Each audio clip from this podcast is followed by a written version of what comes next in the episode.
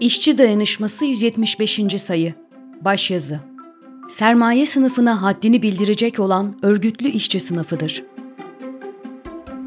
Bartın Amasra'daki kömür madeninde meydana gelen Giruzu patlamasında 41 maden işçisi hayatını kaybetti, birçoğu da ağır şekilde yaralandı. Ailesi, eşi, çocukları, anne ve babası, dostları olan 41 insandan bahsediyoruz. Bu insanlar zengin sınıfın, burjuva sınıfın bir parçası değillerdi. Bizim insanlarımızdı. Üreten, alın teri döken emekçi insanlardı. Onlar da herkes gibi yaşamayı seviyorlardı. Yarınların daha güzel olduğu bir dünya hayal ediyor, ağız dolusu gülmek, mutlu olmak istiyorlardı. Ama kar hırsıyla çatlayan ve sürekli üretim, üretim diyerek iş güvenliği önlemlerini umursamayan egemenler tarafından ölüme gönderildiler.'' Gazetemizin ilerleyen sayfalarında okuyacağınız gibi facia bağıra bağıra gelmesine rağmen gerekli önlemler alınmadı. Öyle ki Sayıştay'ın Girizu patlama riski var diye rapor yayınladığı 2019'da Türkiye Taş Kömürü Kurumu TTK Genel Müdürü, üretim müdürü dahil birçok kişiye başarı belgesi vermiş. Başardıkları ne peki? Daha fazla üretim, daha fazla sömürü, daha fazla kar. Yani birilerine başarı ve kar getiren şey madencilere ölüm getirdi. Bu sonuç aslında kapitalist sömürü düzeninin de özetidir. Zira burjuva sınıfın üzerinde oturduğu zenginlik dağı ve şatafatlı yaşamları, emeğin yağmalanması, işçilerin yoksulluğa mahkum edilmesi, acı ve gözyaşıyla mümkün olabiliyor. Doğada ve toplumda meydana gelen hiçbir şey gerçekte tesadüf değildir. Çünkü tesadüf dediğimiz şeye daha ayrıntılı baktığımızda sayısız faktörün, etkenin belirli koşullarda aynı anda bir arada olmasından meydana geldiğini görürüz. Amasra'daki madende meydana gelen Girzu patlaması da sayısız ihmalin doğurduğu faktörlerin bir sonucudur. Metan gazı normal sıcaklık ve basınçta kömür ocaklarında açığa çıkan ve büyük bölümü saf metandan oluşan, kolayca tutuşabilen bir gazdır. Bu gazın havayla karışımına Girzu denmektedir. Bizzat Çalışma Bakanlığı'nın hazırladığı broşürde belirtildiği üzere metan yani girizu patlaması maden havasında %4-15 metan bulunduğu durumlarda gerçekleşebilir. En güçlü patlama ise %9,5 metan ihtivası ile meydana gelir.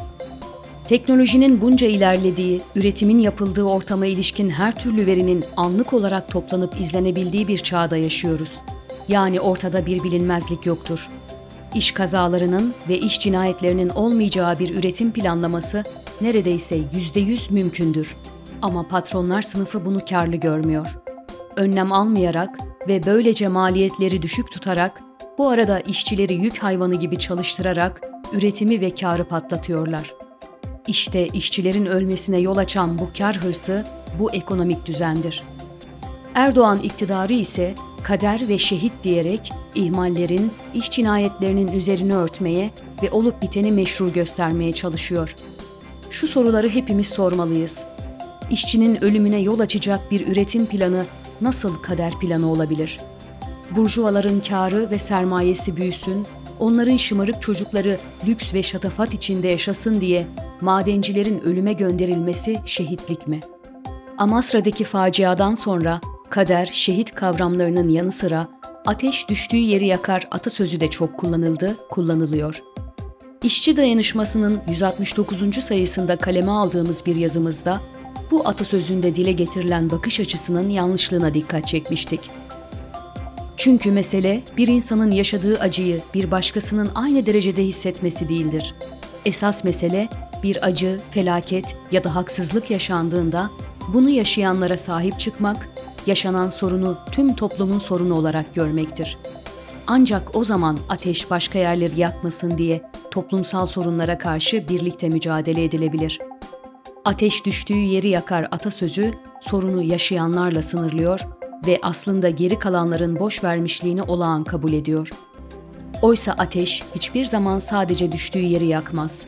Önlem alınmadığı ya da karşı konulmadığı takdirde başka başka yerleri de yakar aynı acıyı başkalarına da yaşatır.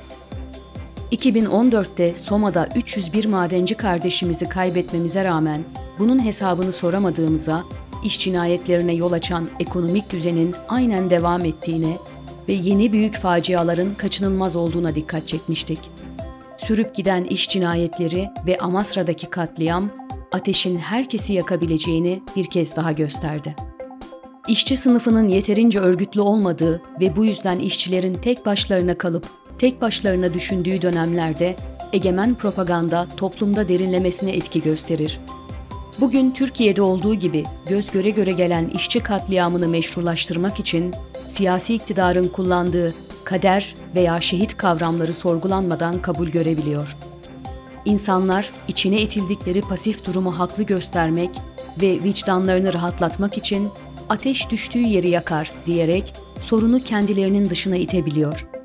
Bu koşullarda onlarca insanın ölüme gönderildiği bir faciaya işçi sınıfından ve toplumdan sert bir tepki gelmemesi, siyasi iktidarda ve sermaye sınıfında düzeyi giderek artan bir pervasızlığa yol açmaktadır. Mesela Soma'da 301 madenci yaşamını kaybetmesine rağmen maden patronu çıkıp asıl ben mağdur oldum diyebildi. Elbette bu denli utanmaz ve had bilmez olmanın nedeni işçi sınıfının yeterince örgütlü ve güçlü olmamasıydı. Güçlü ve mücadeleci sendikalarda, UİT'ler gibi sosyalist işçi örgütlerinde ve partilerinde birleşmiş işçi sınıfının varlığını hayal edelim.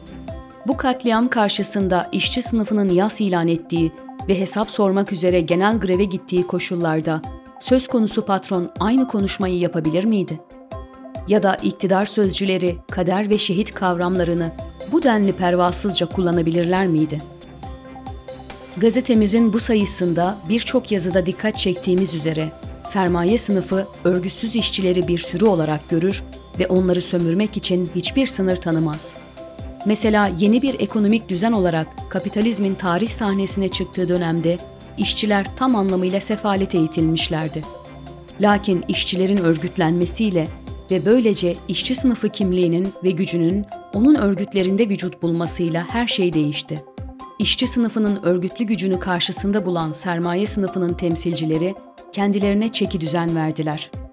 Emek karşıtı bir açıklama yapmadan ya da bir adım atmadan önce işçi sınıfı ve işçi örgütleri ne der diye düşünmek zorundaydılar. 12 Eylül 1980 öncesinde Türkiye işçi sınıfı da ulaştığı güç sayesinde bu gururu yaşamıştır. Fakat ne zaman ki işçi sınıfının örgütlü gücü zayıfladı, işte o zaman sermaye sınıfının temsilcileri tüm sınır tanımazlıkları ve şımarıklıklarıyla yeniden sahne aldılar. Ne doğada, ne toplumda, ne de sınıflar arası ilişkilerde boşluğa yer var. İşçi sınıfının örgütlü gücü zayıfladıkça sermaye sınıfı güçlenmiş ve güçlendikçe neoliberal politikalarla işçilerin haklarını daha fazla gasp etmiştir. İşçi sınıfının güçlü örgütlerini kaybederek siyaset sahnesinde varlık gösterememesi en büyük sorunumuzdur. Yoksulluğun çığ gibi büyümesi, genç kuşakların işsizlik ve geleceksizlik sarmalına itilmesi, tek adam rejiminin toplumu baskı altına alması ile Amasra'daki katliam arasında kopmaz bir bağ var. Bilelim ki birisini tersine çeviren işçi sınıfı aynı anda ötekisini de durdurmayı başarır. Şairin dediği gibi karşımızda insan kılığında bir yağmacı sürüsü var. Gidişatı tersine çevirecek ve onlara haddini bildirecek olan örgütlü işçi sınıfıdır.''